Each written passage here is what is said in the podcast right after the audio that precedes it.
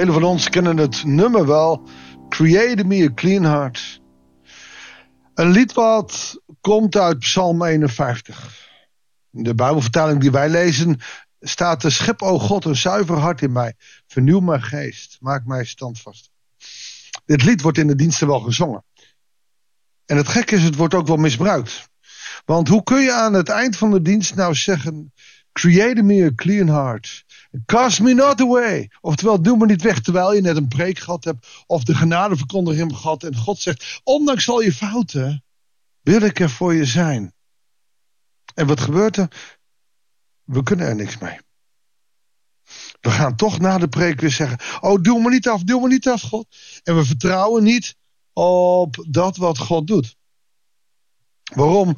Omdat wij het moeilijk vinden om onze eigen vergeving te accepteren. Het nummer Create Me a Clean Heart is een lied wat je aan het begin van de dienst zingt. Als je nog niet die genadeverkondiging hebt gehad, als je nog niet de preek hebt gehad waarin je hoort dat Jezus voor jou zonde is gestorven. Maar het lied Create Me a Clean Heart komt uit Psalm 51. Het grappige is als je de context van het lied pakt, dan gaat het naar aanleiding van een zonde die David gedaan heeft. En dan krijg je eigenlijk een setting die, zoals ik van de week al zei, iets meer ontzag krijgt. Durf jij God om vergeving te vragen voor bewuste zonde? Niet zo, Heer, vergeef me zonde. Maar welke zijn het dan? Noem ze dan. Daar gaat David vandaag met ons aan de haal. Ik hoop dat je meegenomen wordt in het lied van David uit Psalm 51. Goeiedag, hartelijk welkom bij een nieuwe uitzending van het Bijbels dagboek. En Psalm 51 kan niet mooier dan, dan dat je dat in de Leiderstijd leest. Laten we samen maar gaan lezen. Psalm 51 voor de koorleider. Een psalm van David toen de profeet Nathan hem had bezocht. Nadat hij met Batseba geslapen had. David is een van de weinige psalmen trouwens die echt gedateerd is. Precies weten we wanneer. Uh, hij had met Batseba niet alleen geslapen, hij had haar man ook laten vermoorden. Want Batseba wilde niet, terwijl ze getrouwd was met David.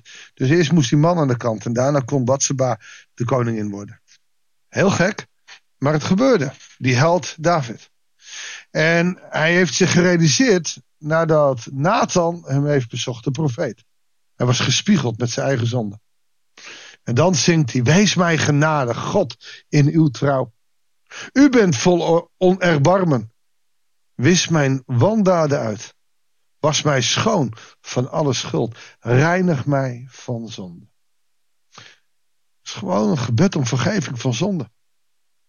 Maar dan, ik ken mijn wandaden en die vind ik zo belangrijk. David kent zijn wandaden, die weet wat hij gedaan heeft. Weliswaar moest hij gespiegeld worden door Nathan. Wij mogen gespiegeld worden door het evangelie. Alleen we laten ons vaak niet spiegelen omdat we dan denken, ja, maar dit geldt niet voor mij. Dit was voor toen. Of... Het gaat er helemaal niet om wat wij ervan vinden. We moeten de Bijbel meer laten spreken. Want de Bijbel heeft meer te vertellen dan wij als theologen dat kunnen doen. Wij zijn makkelijk in het vergoeilijken. Maar dat geldt trouwens voor jou. Ja, nee, dit geldt niet voor mij. Durf jij je wandaden, je zonde onder ogen te zien? Ik ben mij steeds van mijn zonde bewust. Tegen u, tegen u alleen heb ik gezondigd. Ik heb gedaan wat slecht is in uw ogen. Laat uw uitspraak rechtvaardig zijn. Hij wenst van God een uitspraak. Laat uw uitspraak rechtvaardig zijn en uw oordeel zuiver. Ik was al schuldig toen ik werd geboren, al zondig toen mijn moeder mij ontving. Maar u wilt dat waarheid mij vervult. U leert met wijsheid diep in mijn hart. Wat God wil is, weet dat wij voor de zonde geboren zijn. Oftewel, we zijn geneigd tot elk kwaad. Iedereen. Niet de baby, maar wel als je later ouder bent. Dat zegt hij. Ik, ik was onschuldig toen ik werd geboren. Maar wat hij zegt is zo belangrijk. Laat uw uitspraak rechtvaardig zijn. Midden in de lijdenstijd moet ik daaraan denken. Wat is dan het rechtvaardige oordeel over mijn zonde? Voor David was dat anders. zijn achter, achter, achter, achterkleinkind moest nog geboren worden, Jezus Christus. Die aan het kruis is gestorven voor al onze zonden. Het heeft geen zin als wij ons niet realiseren wat we verkeerd doen. Het heeft geen zin als we maar gewoon meteen Pasen gaan vieren. Het heeft pas zin als we ontdekken wat er verkeerd was. Bij David was het heel duidelijk. Hij was vreemd gegaan, had een man laten doden. Nou, tegenwoordig zou je de doodstraf krijgen. Hij weet wat zijn wandaden zijn. En dan bidt hij ook, zuiver mij met Marioraan, daar word ik rein. Was mij en ik word witter dan sneeuw. Oftewel, alleen God kan me schoonwassen. Laat mij vreugde en blijdschap horen. U hebt mij gebroken, laat mij ook juichen. Sluit uw ogen voor mijn zonde en doe heel mijn schuld niet.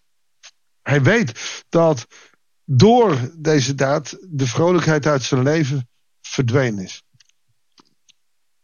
Hij weet dat hij God verdriet heeft gedaan en dat hij daardoor niet meer echt tot God kan komen.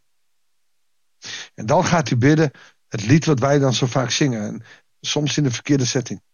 Schep, o God, een zuiver hart in mij. Dat betekent kneed mij, snij in mij, hak in mij en alles wat verkeerd was. Haal het weg zodat mijn hart zuiver is. Schep, o God, een zuiver hart in mij. Vernieuw mijn geest en maak mij standvastig. Want u alleen kan dat. Ik kan het zelf niet. Ik kan spijt hebben, maar vernieuw mijn geest.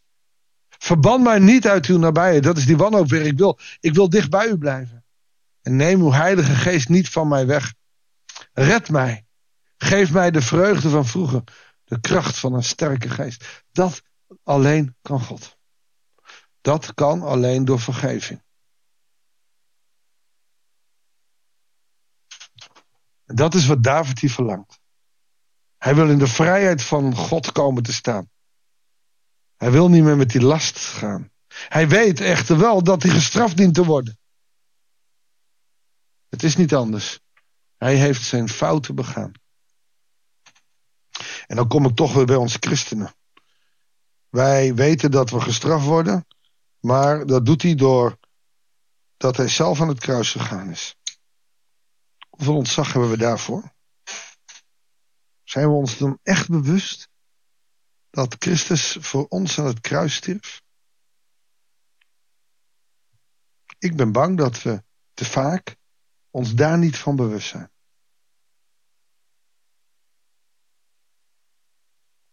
David heeft die genade van God nodig. Hij ziet dat hij anders vastloopt. En als hij weer hernieuwd wordt, dan wil hij ook aan het werk. Hij trekt er ook meteen gevolgen. Dan wil ik verdwaald uw wegen leren. Oftewel, ik wil uw dienaar weer zijn. En zullen zondags terugkeren tot u. Ik wil het ze zeggen. U bent de God die mij redt. Bevrijd mij van de dreigende dood. En ik zal juichen om uw gerechtigheid. Ontsluit mijn lippen, Heer, en mijn mond zal uw lof verkondigen. David is kapot. Hij weet dat hij als geen ander de straf verdient. U wilt van mij geen offerdieren. In brandoffer schept u geen behagen. Het offer voor God is een gebroken geest. Een gebroken, verbrijzeld hart zult u, God, niet verachten. Wat hij wil is dat we oprecht spijt hebben van dat wat we doen. Dat we bewust zijn van de dingen die verkeerd zijn. Dat we ontzag hebben omdat we weten dat God ons leven vernietigen kan. Omdat Hij ons zijn zegen kan onthouden. En wij hopeloos verlaten door Hem, door het leven moeten. We moeten ons bewust zijn dat God met een knip in zijn vinger een eind in de wereld kan maken. En dan niet zeggen, ja, dat doet hij niet meer, want heeft hij bij Noach. Nee. Oh, dat bedoelt hij niet, want Jezus is voor onze zonde gestorven. We mogen dat nooit gemakkelijk maken. Genade is als een bliksemslag in ons leven. Create in me a clean heart. Oh Lord. Cast me not away from thy presence. Ik wil in uw nabijheid blijven. Ik wil schuilen. David zingt het vaker. In uw nabijheid wil ik zijn. En door mijn zonde heb ik een enorme kloof door u gemaakt. En dat is dan wel door Christus is die kloof overwonnen. Maar dan moet ik nog wel naar u toe gaan. En dan moet ik stoppen met zondigen. Dan moet ik stoppen met verkeerde dingen doen. Zullen we bidden? Heere God, vergeef ons. Vergeef ons dat wat verkeerd was.